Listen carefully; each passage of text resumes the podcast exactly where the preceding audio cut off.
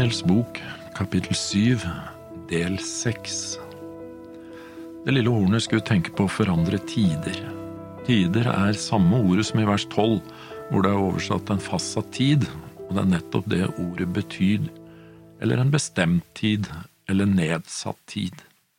I Nemea kapittel to og vers seks er det nevnt en bestemt tid for ham, og i Ester kapittel ni og vers 27 står det noe om tiden som var fastsatt, og i Predikeren kapittel 3 og vers 1 alt har sin tid, og én tid er det satt for alt det som skjer under himmelen. Husker du det Daniel sa i innledning da han skulle fortelle Nebukadnesar om drømmen og hva den betydde, i kapittel 2? Han omskifter tinder og stunder. Han avsetter konger og innsetter konger. Så gjennom drømmen til Nebukadnesar i kapittel to har vi sett at Gud hadde satt en tid for disse kongedømmene. Og når vi tenker etter, så er det faktisk mange tider som Gud har eh, fastsatt. Den første tid Gud fastsatte, var dagen og den ukentlige sabbaten. Den andre, andre tider som er fastsatt, er måneden og året. Dagen er jo den tiden som jorden bruker på å snurre én gang rundt sin egen akse, og månen er den tiden månen bruker på å bevege seg rundt jorda, mens ett år er den tiden jorden det tar jorden å gå én runde i sin egen bane rundt solen. Men hva med en uke? Det er ikke noe astronomisk som definerer den. Den er det Gud selv som har definert, og han gjorde det ved skapelsen. Gud minner oss på det i de ti bud, den loven som Gud selv har skrevet med sin finger. For på seks dager gjorde Herren himmelen og jorden, havet og alt som i dem er, og han hvilte på den sjuende dagen. Derfor velsignet Herren sabbatsdagen og helliget den. Gud skapte syvdagerssyklusen, uken, og den avsluttes med en hviledag. Mange har sett det å forandre tid her i Daniels bok som en del av det å forandre hviledagen fra sabbat til søndag, men jeg tror det ligger noe annet i det, for det med sabbat søndag handler mer om det å forandre Guds lov. Gjennom eh, profetiene her i Daniels bok har Gud åpenbart noe for oss. Han sier noe om ting som skal skje inn i fremtiden. Det er ganske utrolig. Først for Nebukadnesar i Daniel kapittel to om billedstatuen. Du er hodet av gull. Det var Nebukadnesar sitt Babylon. Men så sier Gud etter deg Altså, etter Nebukadnesar så skulle det komme et annet rike. Men da Gud åpenbarte det for Daniel, så lå det enda inn i framtiden. Men Nebukadnesar likte det ikke. Han likte ikke Guds åpenbaring, og han forsøkte å endre på det Gud hadde sagt. Han lager et alternativ, hans egen statue av bare gull. Og her i kapittel syv får vi samme historien. Men vi får noe mer. Rett etter uttalelsen om å tenke på å forandre tider og lov, så står det at de skal overgis i Hans hånd for én tid, tider og en halvtid. Dette er første gangen det settes en tidsperiode, en bestemt tid, i profetiene i Daniels bok. Og da kan vi jo stille oss spørsmålet, da, om uttalelsen om å forandre tider har noe å gjøre med det. La oss se litt mer på det. I Markus kapittel 1 og vers 15 sier Jesus, Tiden er fullkommet, og Guds rike er kommet nær. Omvend dere og tro på evangeliet. Hva ligger det i at tiden var fullkommet? Jesus var godt i gang med sin virksomhet, men hvilken tid snakker Jesus om som fullkommet? I Lukas kapittel 19 og vers 44 så sier Jesus at folk på hans tid ikke kjente sin besøkelsestid. Legg også merke til det som står i Lukas kapittel 7 og vers 16. Alle ble da grepet av frykt og priste Gud og sa, En stor profet er oppreist blant oss, og Gud har gjestet sitt folk. Så hvilken tid er det Jesus snakker om, og kunne de ha kjent sin besøkelsestid? Ja, det kunne de, for det var ikke slik at Jesus bare kom plums ut av det blå og forsvant igjen.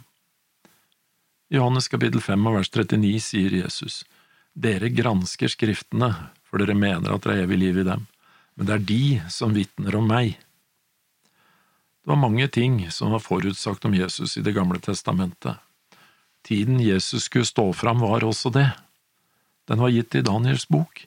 De kunne kjent tiden da Messias, som er Jesus, skulle gjeste sitt folk. Det er derfor Jesus sier at tiden er fullkommet. Når vi kommer dit, så vil du se at profetiene forutsier den nøyaktige tiden da Messias skulle stå fram her i Daniels bok. Men ikke bare det, den sier også noe om tiden da Jesus skulle dø på korset. De profetiske dagene var fylt opp, de var brukt opp.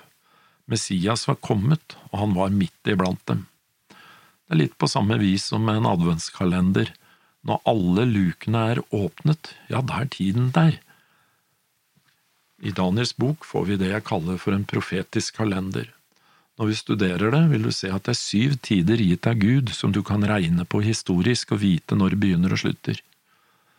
Men her skal jeg bare komme med det som en påstand, og så skal jeg utdype det når vi kommer til kapittel 9 og vers 12. Det er 9 og kapittel 12.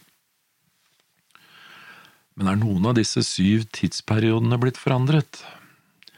Nei, egentlig ikke. Ikke fra Vår Herres side men samtidig ja, for det er noen som har forsøkt å forandre dem, og så godt er det forsøket at det i dag er få kristne som vet så mye om det. Men jeg skal si mer om det senere, som sagt. Tilbake til teksten i Daniels bok, kapittel 7 og vers 25, hvor vi finner en av de tidene angitt. Det står videre i teksten at de skal overgis i hans hånd for én tid, tider og en halvtid. Det lille hornet skulle altså få en fastsatt tidsperiode. Hvor lang tid er så en tid og tider av en halv tid? En tid er det samme som et år. Grunntekstspråket her er litt annerledes enn på norsk. Vi har bare entall og flertall på norsk, men grunntekstspråket her er også totall. Så tider her, det betyr to år. Så det det er snakk om, er ett år pluss to år pluss et halvt år. Det er lik tre og et halvt år, som var den tiden det lille hornet skulle få. Og siden det er profetisk tid, må vi tenke at én dag er det samme som et år. Det blir da 3,5 ganger 360, som var det jødene regnet for et år på den tiden. Det blir da 1260 år. Det lille hornet, eller det religiøse Rom, fikk makten i 538 etter Kristus, og de hadde det til 1798, da paven ble tatt til fange av den franske generalen Berthier. Det var også en, altså en frankerkonge, Klodvig, som bidro med sin hær til at kirken fikk makten, og det var en fransk keiser, Napoleon, som ved sin general tok paven til fange, og ved det tok fra dem makten igjen. At Gud før det skjer, åpenbarer at det lille hornet skulle tenke på å forandre tider og lov, det tror jeg er Hans nåde, fordi Han ønsker å frelse, så gjør Han oss oppmerksom på at det vil komme et frafall innenfor kristenheten. Han gjør det ikke for at vi skal se ned på kirken eller på andre, han gjør det fordi han ønsker å kalle sitt folk tilbake til lydighet mot det Gud har åpenbart i sitt ord. Som vi har sett, talte Gud til hedenske konger fordi han brydde seg om dem og ønsket å se dem i sitt rike. Det var derfor han snakka til Nebukaneser.